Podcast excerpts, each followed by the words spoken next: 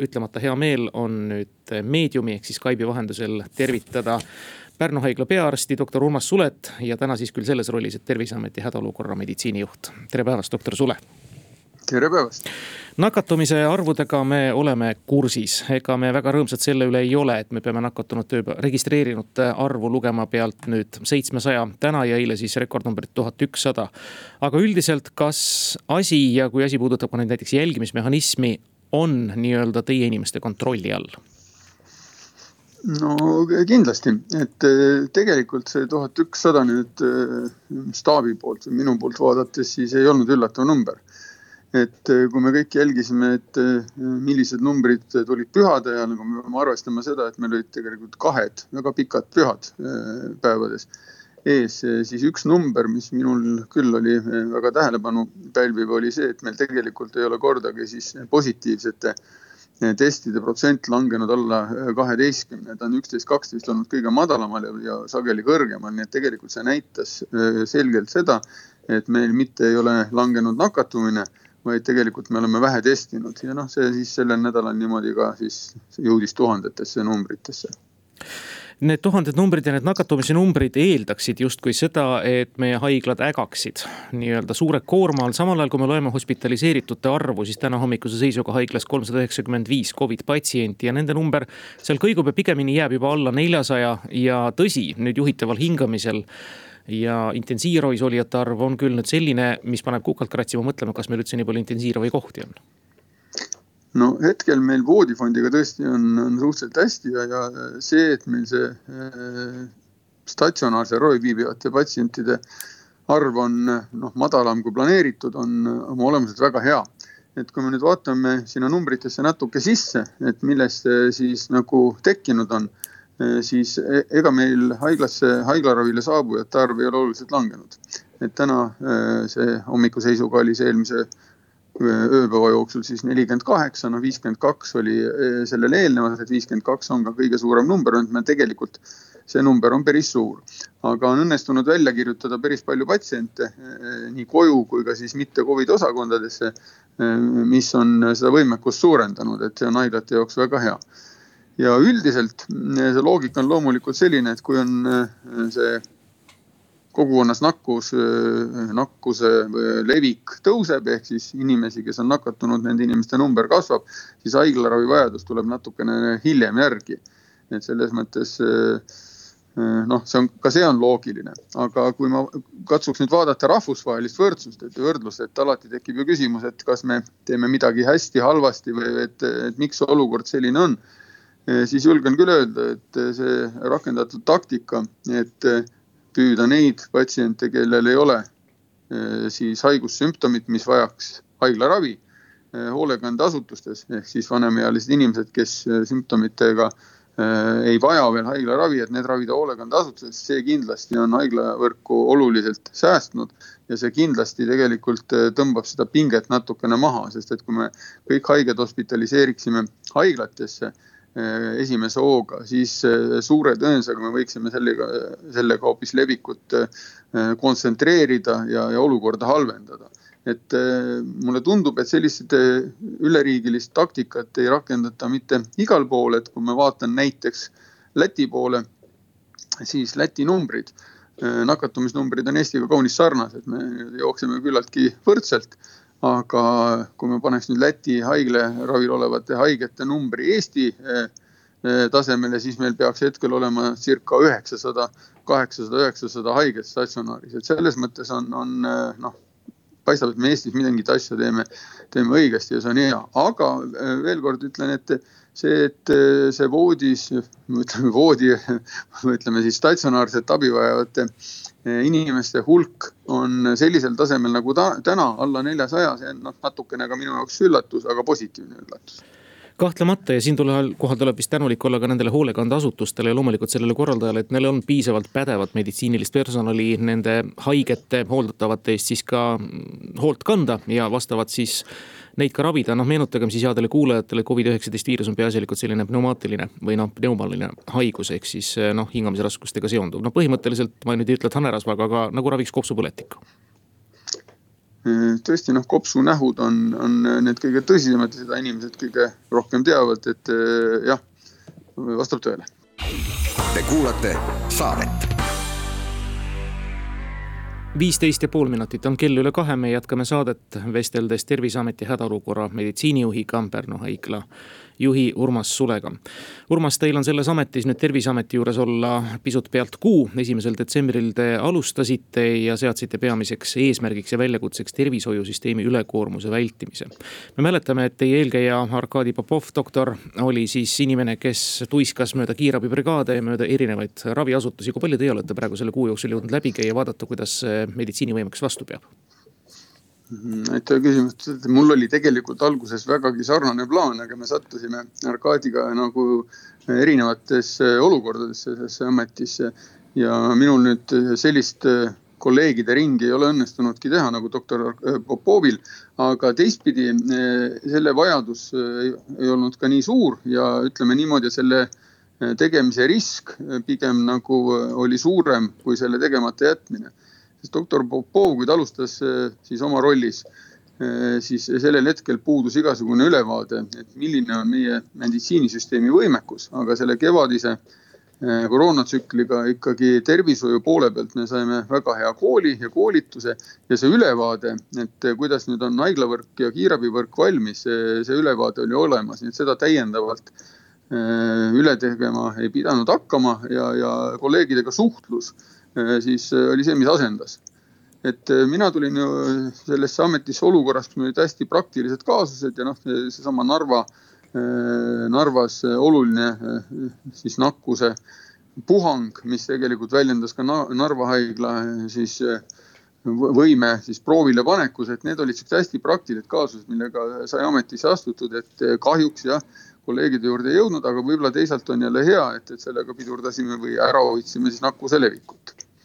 jah, see on see positiivne pool, mida vaadata. see praktiline töö, mis ähm, teil on siis hädaolukorra meditsiinijuhina Terviseametis, on ta siis selline tõesti praktiline logistiline töö? et kui ütleme piltlikult öeldes näete, et äh, doktor Popovi haiglas on, ütleme haigeid rohkem kui seitsekümmend kaheksa ehk rohkem kui voodikohti. kas teie olete see inimene, kes võtab vastu otsuse, et palun nüüd kas ITK-sse või kusagile lähemal asuvasse raviasutusse?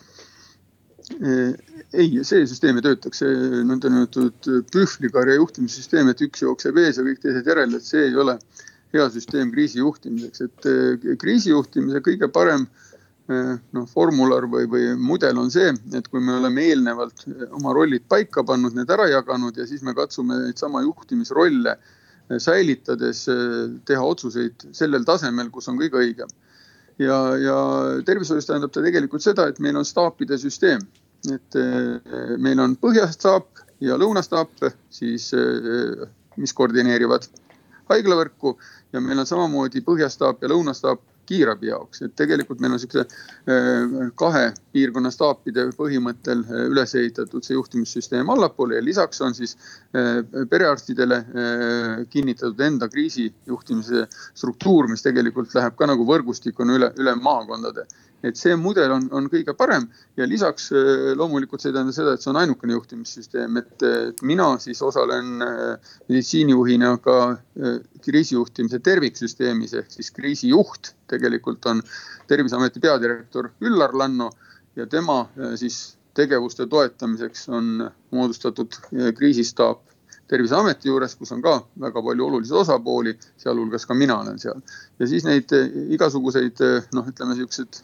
muidu nimetatakse neid töögruppideks, aga äh, gruppe ja sihukest ekspertkoosolekuid, neid on hästi palju, sest et äh, nõupidamine otsuste formuleerimiseks ja langetamiseks on, on kriisis ääretult oluline ja püüame seda teha loomulikult võimalikult efektiivselt, et need pikad lohisevad koosolekud kriisiolukorras ei kõlba kuhugi.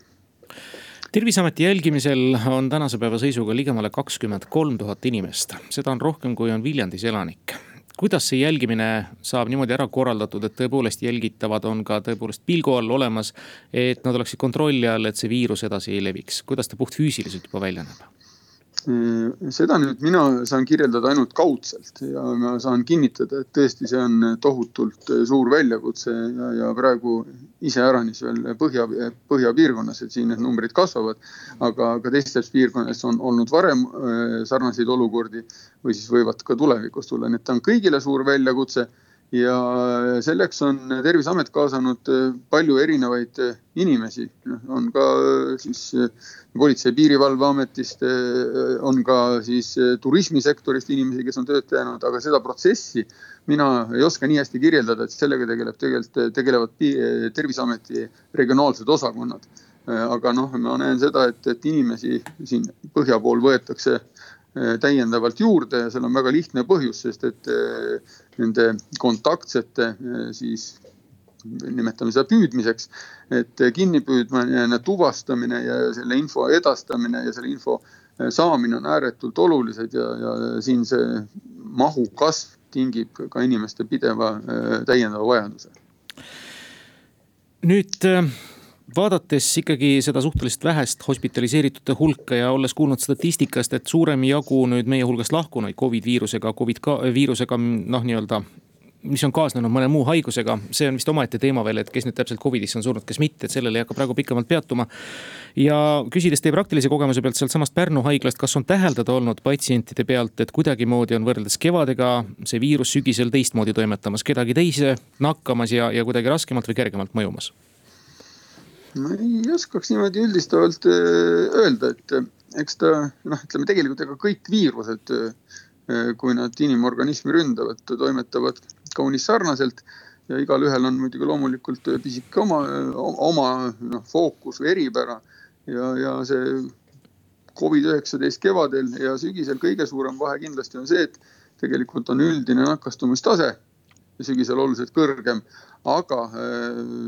teisalt jälle, et kevadel me alustasime nullkogemusega või ütleme väga tagasihoidliku kogemusega. et selle võrra on, on olukord lihtsam ja ravi, ravi osas, ega siin äh, ravi osas ka midagi niisugust drastilist vahepeal välja ei ole mõeldud, et äh, raviskeemid on samad ja mis on küll tehtud, et äh, novembrikuuks äh, oli siis valmis uus ravijuhis ja see on väga hea. see ravijuhis on kõigile kättesaadav, on kaheksateist lehekülge, täiesti sihuke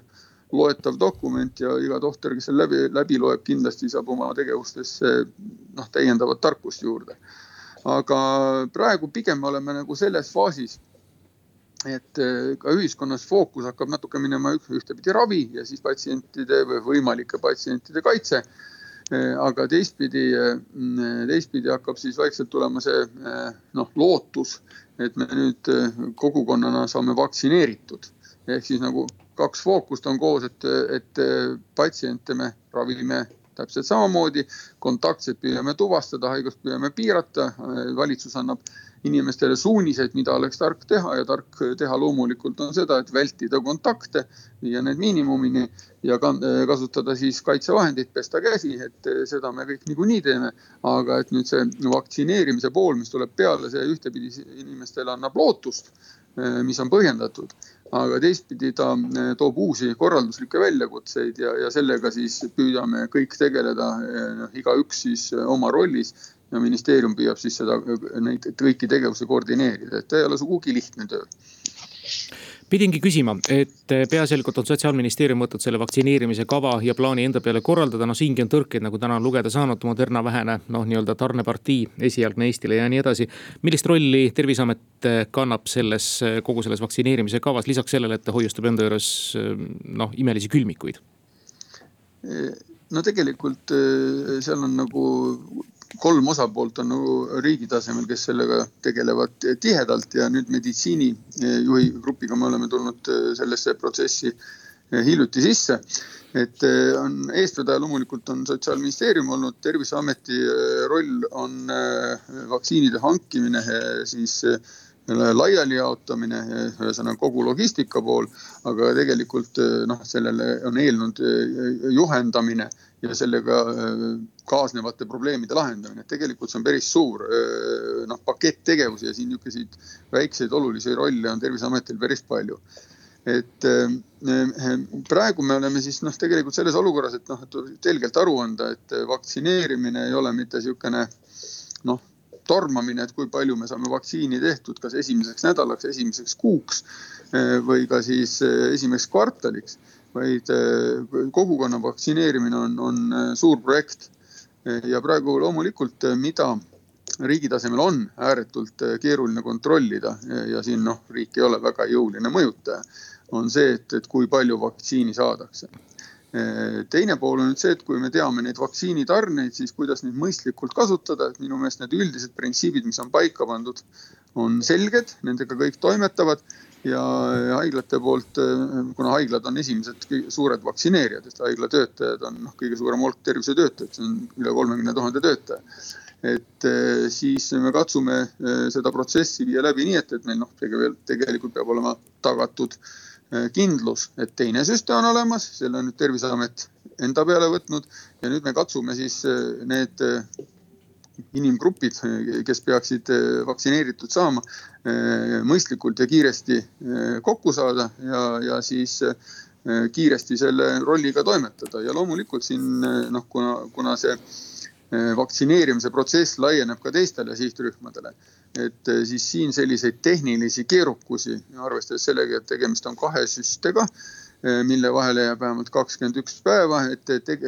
turule on tulemas ka teised vaktsiinid, siis eh, siin sihukest korralduslikku poolt ja korralduslikke keerukusi tuleb kõvasti, et me peame arvestama sellega, et noh, üks inimene, kes on, on haige inimene või ütleme, ohustatud inimene, on saanud siis esimese süsti ära, et ta võib ka liikuda, et me peame selle patsiendi logistikat ka veel jälgima. et eh, see protsess praegu käimas on ja, ja siin selgelt on eestvedamist üles näidanud ministeerium ja, ja ma küll praegu ei suudaks kuidagi nagu ette heita, et see start on meil ebaõnnestunud, aeg-ajalt on öeldud, et justkui on vähe inimesi saanud vaktsineeritud, et eh, pigem ma arvan, et see start, eh, kui ta on natukene nagu mitte nii kiire kui oodatakse, ei pruugi tähendada sugugi seda, et, et see, see finiš võiks meil või peaks meil vilets tulema. et praegu minu meelest oleme alustanud täiesti mõistlikus tempos, arusaadavalt. see, et tekib väikeseid segadusi, täiesti uus vaktsineerimise pro programm, et see on iseenesestmõistetav ja nüüd tuleb kuidagi nad koos ja mõistlikult ületada. Te kuulate saadet kolmkümmend kolm ja pool minutit on kell üle kahe, kaheksas jaanuar, reede. kuku raadio saates on Skype'i vahendusel külas Terviseameti hädaolukorra meditsiinijuht, Pärnu haigla juht, doktor Urmas Sule. ja nüüd on head kuulajad teretulnud ja oodatud liitluma numbril kuus, kaks, üks, neli, kuus, neli, kuus ja küsima head külaliselt küsimusi, tervist. tervist, äh, ma just lugesin, et äh, Rakvere haiglas, kus paljud meedikud ja meditsiinitöötajad, kes otseselt puutuvad kokku haigete ja patsientidega, on veel vaktsineerimata, aga esmajärjekorras võeti vaktsineerimisel ette haigla nõukogu liikmed, poliitikud Toomas Marek, Mihkel Juhkam, Peep Vassiljev ja Eimar Vaulbaum. kas te oskaksite mulle kui tavakodanikule seletada, miks alustati vaktsineerimist just poliitikutest, et milline nagu otsene meditsiiniline vajadus äh, sellel on või on tegemist lihtsalt poliitilise mõjuvõimu noh, inetu kuritarvitamisega, aitäh. Äh, aitäh küsimuse eest, et äh, siin, kuna ma ise selle otsuse juures ei olnud, siis loomulikult ma saan vastata kaudselt, aga iseenesest selline olukord kindlasti ei ole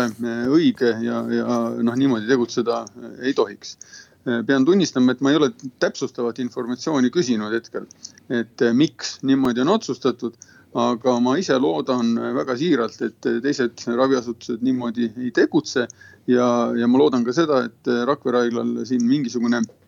põhjendus on, mis võib-olla natukene Eh, seda selgitab, aga ma praegu tõesti pean näbiga tunnistama, et ma vastust ei tea. ja kordan veel kord üle, et eh, praegu on ikkagi vaktsiin mõeldud eesliinitöötajatele, see tähendab haigla töötajad, see tähendab tervishoiutöötajaid ja need töötajad, kes tegelikult tervishoiutöötajatega kokku puutuvad, nii et eh, siin tuleb edasi laiendus nüüd hoolekandeasutustesse ja siis õendusteenuse klientidele või patsientidele et, et mina olen väga seda meelt, et tegelikult vaktsineerima peaks ikkagi selliselt eh, noh, kuidas ma ütlen, südametunde suhtes ka eh, ennast hästi tundvalt, et, et tegelikult praegu ma arvan, et see, see ei ole hea kaasus ja see kindlasti tervishoiusektorile nagu head varju ei heida.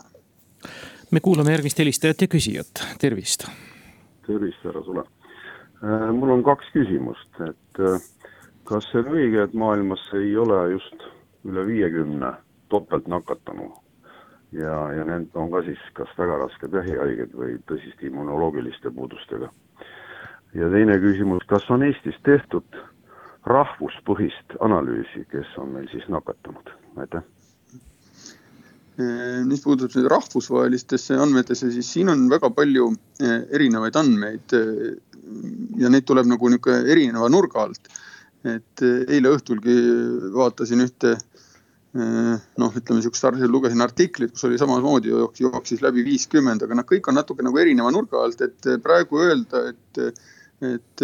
mida täpselt siis koroonaviirusest teatakse, oleks väga ennatlik, et need uuringud kipuvad andma ka natuke erinevaid tulemusi. et eh, see võimalik eh, taasnakkumine, et selle koha pealt ei ole eh, väga selgeid ja ühiseid, üheseid vastuseid, sellega tegeletakse, aeg-ajalt nad tulevad, siis ei tule. täpselt samamoodi nagu ravi suhtes, et aeg-ajalt tulevad uuringud siis kasutatavate ravide suhtes, mis võivad anda justkui ootamatuid tulemusi, kuid kui neid detailsemalt üle vaadata, siis tegelikult nad väga ootamatud ei ole. ja see, mis tundub esialgu negatiivne, see ei pruugi seda äh, sugugi mitte, äh, mitte olla.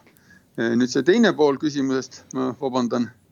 Küsimus, kas on tehtud rahvustepõhist profileerimist nakatunute suhtes? vabandan jah et ei, mina sellist uuringut ei tea, et rahvustepõhist oleks tehtud, et seda on ka noh, kaunis tehniliselt keerukas teha, et ma arvan, et sihuke kogukonnapõhine äh, uurimine on, on mõistlik ja regionaalne jaotus ka, isegi see regionaalset jaotust on teinekord raske teha, et noh, näiteks kui me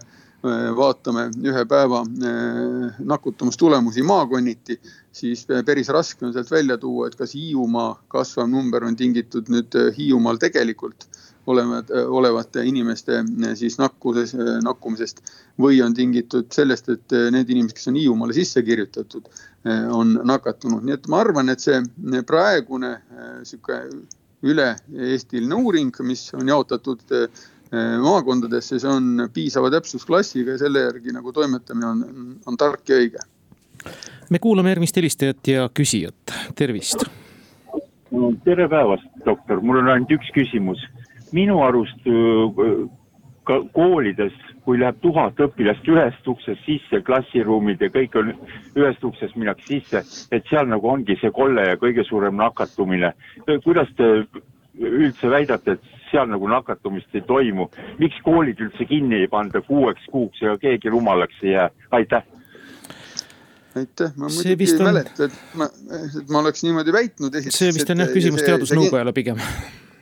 jah, et see, ma tahtsin ka öelda, et eh, see nüüd ettepanekute tegemine valitsusele ei ole päris minu ülesanne, see on teadusnõukoda, tõsi. et eh, mina seal eh, aruteluprotsessil osalen ja selles mõttes saan aru, aga ma kordaksin selle küsimuse vastuse juures võib-olla mõned siuksed lihtsad põhitõed ülesse et eh, loomulikult eh, haigus, eh, noh, kõik viirushaigused levivad eelkõige siis nendes kohtades, kus inimestel on teineteisega tihe ja, ja võimalikult pikk kontakt. kui seal on veel umbne ruum, ei saa seda õhutada, õhu liikumis on viletsad, siis on selge see, et, et sellises kohas piisknakkus levib kõige paremini nüüd, kui edasi minna, et, et mis siis selleks teha, seda me kõik teame, et tuleks kontakte vältida, võimalus on töötada kaugemalt, kaitsta siis, siis ennast või teisi äh, maskiga, pesta käsi, seda me kõik teame. aga, aga üldiselt äh, tähendab ikkagi seda, et, et äh, see haigus levib kõige paremini siis, kui on inimestevaheline tihe kontakt, ehk siis tegelikult uuringud näitavad seda,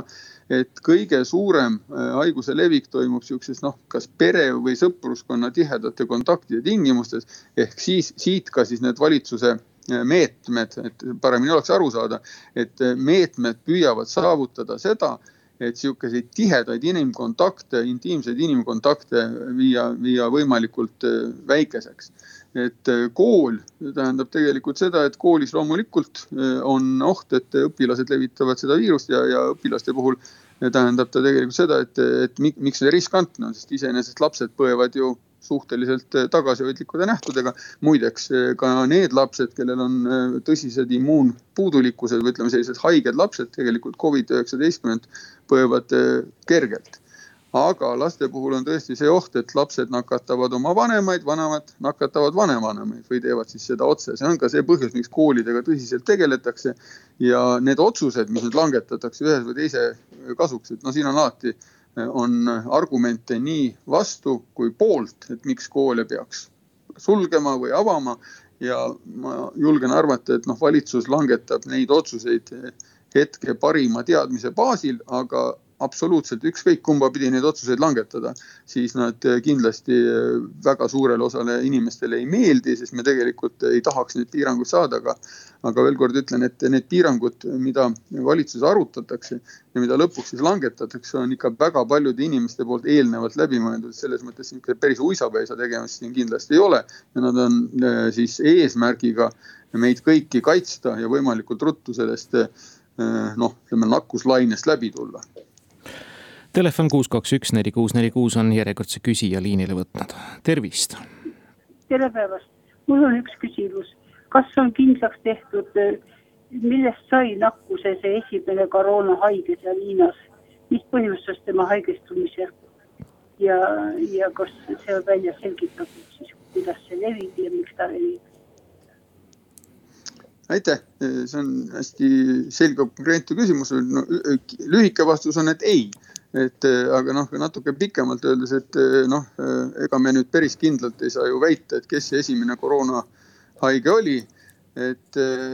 noh, me teame, et Hiinast Wuhani piirkonnas see haigus liikuma hakkas, aga ma julgen arvata, et praegu sellist meile kõigile esitatavat väidet, seisukohta või, või sihukest noh, selget vastust sellisele küsimusele olla ei saa ja võib-olla ta hetkel isegi ei ole nii tähtis. et praegu me teame, et eh, midagi on kunagi juhtunud, eh, see on juhtunud Hiina riigis eeldatavasti oli see ikkagi esimene koht ja eh, see tähendab tegelikult seda, et me hetkel peame tegema selle, tegelema eelkõige selle probleemi likvideerimisega ja see enam ei ole Hiina riigis, vaid see on juba siin Eestis hästi praktiliselt käes, et, et me praegu eelkõige panustame sinna, aga aga loomulikult eh, kõiki see küsimus, mida proua küsis, huvitab ja tahaks vastust saada, aga aus vastus on, et, et ei tea. ja mida selle teadmisega ka hiljem peale hakata, on ka muidugi omaette kunst küsida. Te kuulate saadet kell on kolmveerand kolm Kuku raadio stuudios või õigemini Skype'i teel on meil külas Urmas Sule, Terviseameti hädaolukorra meditsiinijuht ja doktor on ka Pärnu haigla juht, sestap äh, lähtuvalt oodates esimest kuulaja küsimust. enne veel ma küsin hästi lühidalt, doktor Sule, kas te ise olete vaktsineeritud? jah, mina, kui päris korrektne olla, ma ei ole vaktsineeritud, vaid äh, teisipäeval olen ma saanud esimese vaktsiinidoosi. ja, ja, ja Pärnu haigla lähenemisviisi te küsite, siis äh, tegelikult Pärnu haigla lähenemisviis oli selline et eh, kõigepealt esimestel päevadel sai vaktsineeritud eesliinitöötajad ehk siis nakkusosakonna, erakorralise meditsiiniabi, kiirabi töötajad, nendest me alustasime, et, et nemad on need, kes kõige rohkem vajavad tegelikult kaitset. ja edasi me oleme võtnud nüüd eh, sellise hoiaku haiglas, ma arvan, et enamus haiglaid teeb seda samamoodi. et me tegelikult oleme tekitanud eh, olukorra, et, et praegu on lihtsas faasis, et palju inimesi on, kes tahavad saada vaktsiini, vaktsiini. ja oleme tekitanud olukorra, et, et kui on võimalik, siis püütakse päeva jooksul teha nii palju inimesi vaktsineerida, kui on võimalik ja mina olen siis see, kes on siis eh, selles suures grupis ka esimese doosi kätte saanud. nüüd on meil helistaja liinil, tervist. tervist, mis te arvate Vene vaktsiinist Sputnik? Aitäh küsimast, et eh, ma esimene asi muidugi ütlen, et kaunis nimi on vaktsiini, et mulle see Sputniku nimi väga meeldib. aga sisust ma ausalt öeldes suurt ei tea. Eh, ja kindlasti ei tasu neid asju kritiseerida, mida sa ei tea, aga eh, ravimite ja vaktsiinide puhul on asi Euroopas ikkagi väga selged reeglid, et arenenud riikides on kõigil natukene need reeglid omamoodi. aga meie peame lähtuma Euroopa reeglitest, et kui Euroopa Liidus mõni ravim või vaktsiin saab tunnustuse, et siis see on Eesti inimestele sobilik. kui seda tunnustust veel ei ole, siis tuleb see tunnustus hankida, et siis me tegelikult ei ütle kunagi, et mingi asi on sobimatu. aga me ütleme seda, et millised ravimid ja sealhulgas ka vaktsiinid inimestele on sobilikud. et kui üks või teine vaktsiin või, või ravim läbib sellesama kadalipu saab kinnituse, siis loomulikult on ta inimeste jaoks sobilik, nii et Sputniku osas sellist taotlust ma isegi ei tea, et oleks tehtud. et informatsioon valdavalt Sputniku kohta on niisugune kaudne või ajakirjanduse vahendusel Telefonil kuus, kaks, üks, neli, kuus, neli, kuus on järgmine helistaja, tervist. tere päevast, härra Sule. internetis ja ajakirjanduses liigub jutt, et need vaktsiinid sisaldavad kiipe, et inimesed jälgimise alla võtta.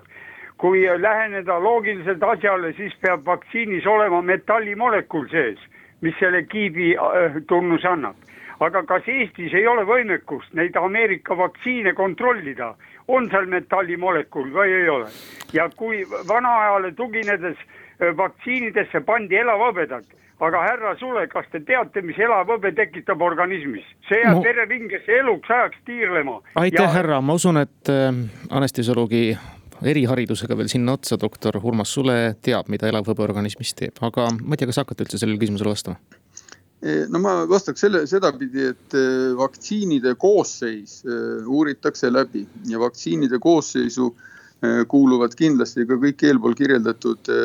osised. Ja selles mõttes, kui me ostame või soetame kuskilt vaktsiini, siis loomulikult alati inimestel on niisugune ebakindlustunne või, või kahtlus Äh, vaktsiini suhtes, äh, mitte kõigil, aga äh, paljudel inimestel. Ja see on inimlikult täiesti selge, mõistetav ja arusaadav ja peabki olema, sest tegemist on ju oma olemuselt võõrvalguga, et seda keegi ei taha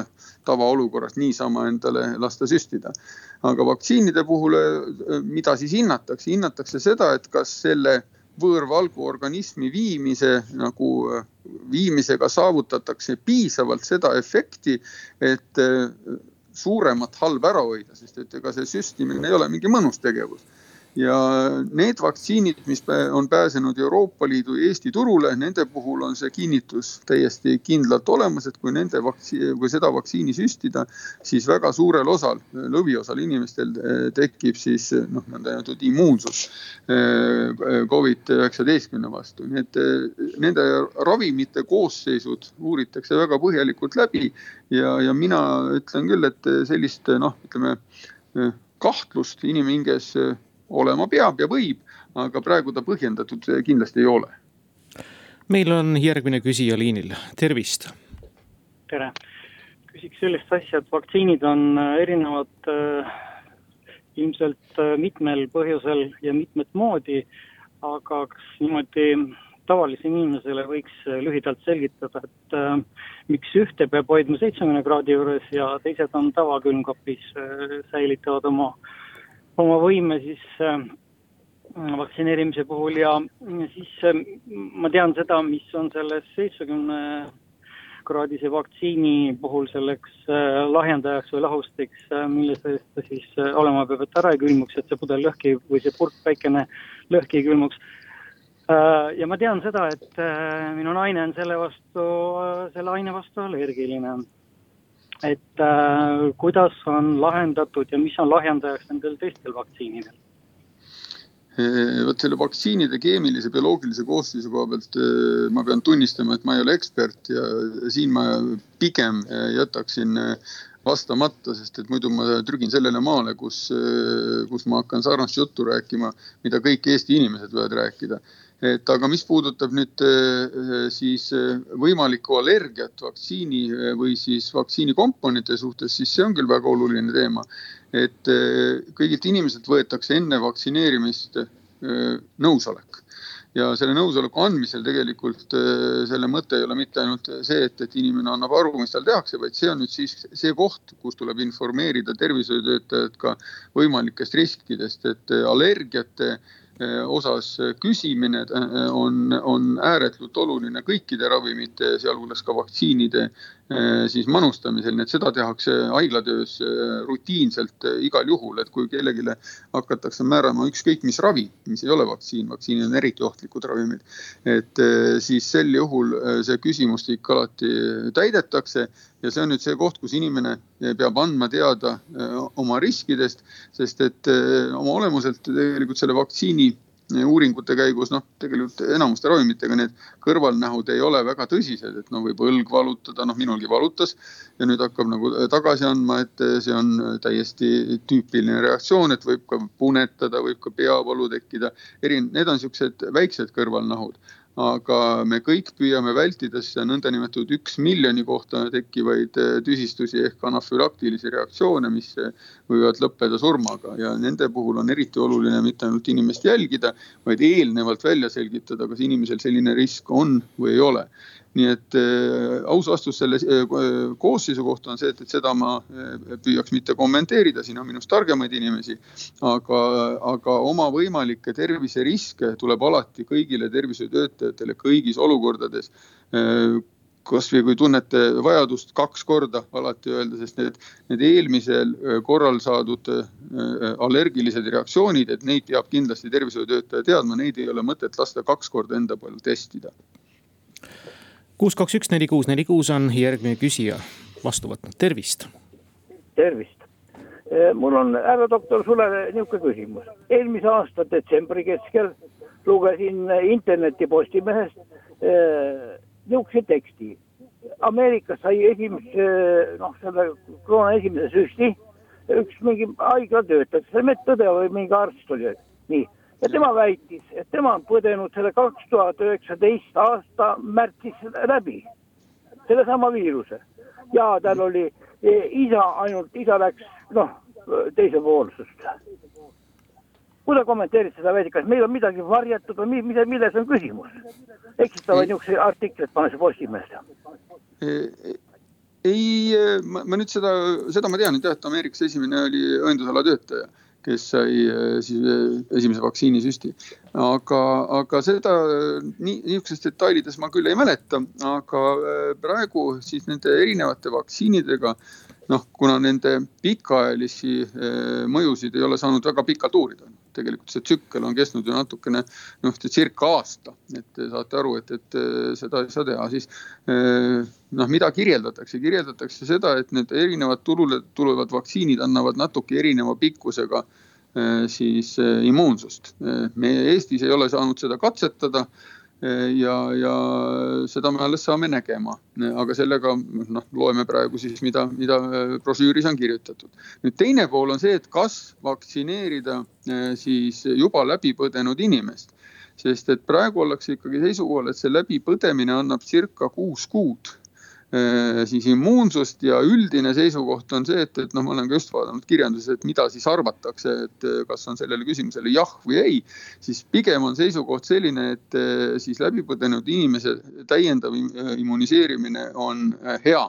et seda tasub teha, sellepärast et see kindlus, et, et, et ähm, noh, et eelmise põdemisega saadud siis Äh, saadud antikehad on veel veres, et see, see ei ole, ei ole väga suur. ja antikehade osas nende testide võtmisega see täpsusklass ei ole, ei ole siis nii täpne.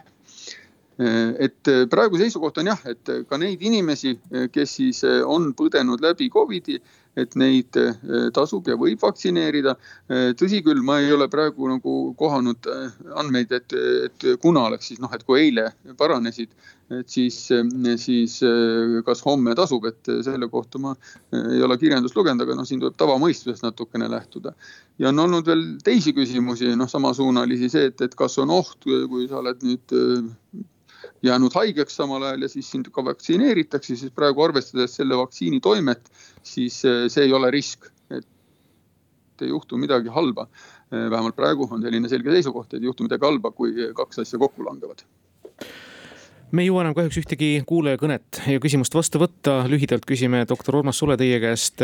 kauaks nüüd jätkub seda hädaolukorda, kas need asjad on prognoositavad ja kui saate veel ka lühidalt juurde vastata, ma saan aru, et teadusnõukojaga ja nende antud soovitustega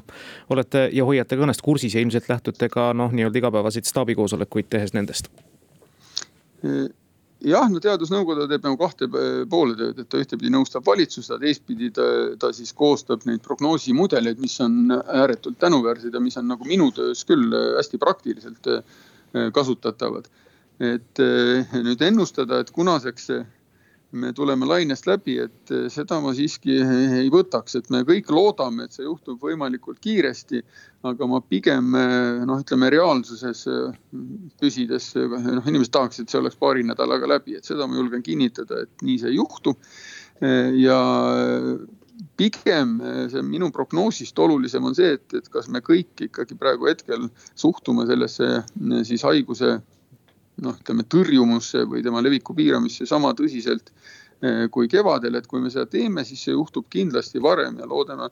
et see noh, oleks näiteks aasta esimese kolme kuuga, aga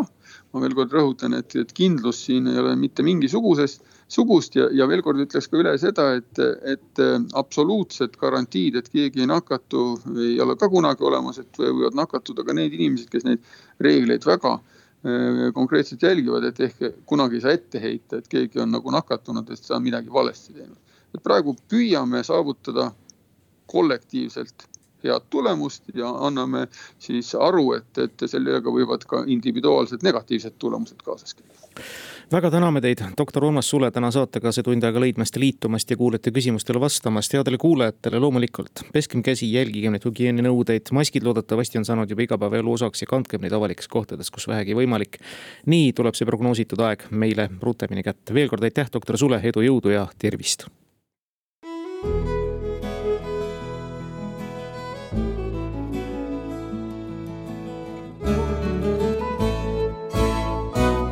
Raadio Kuku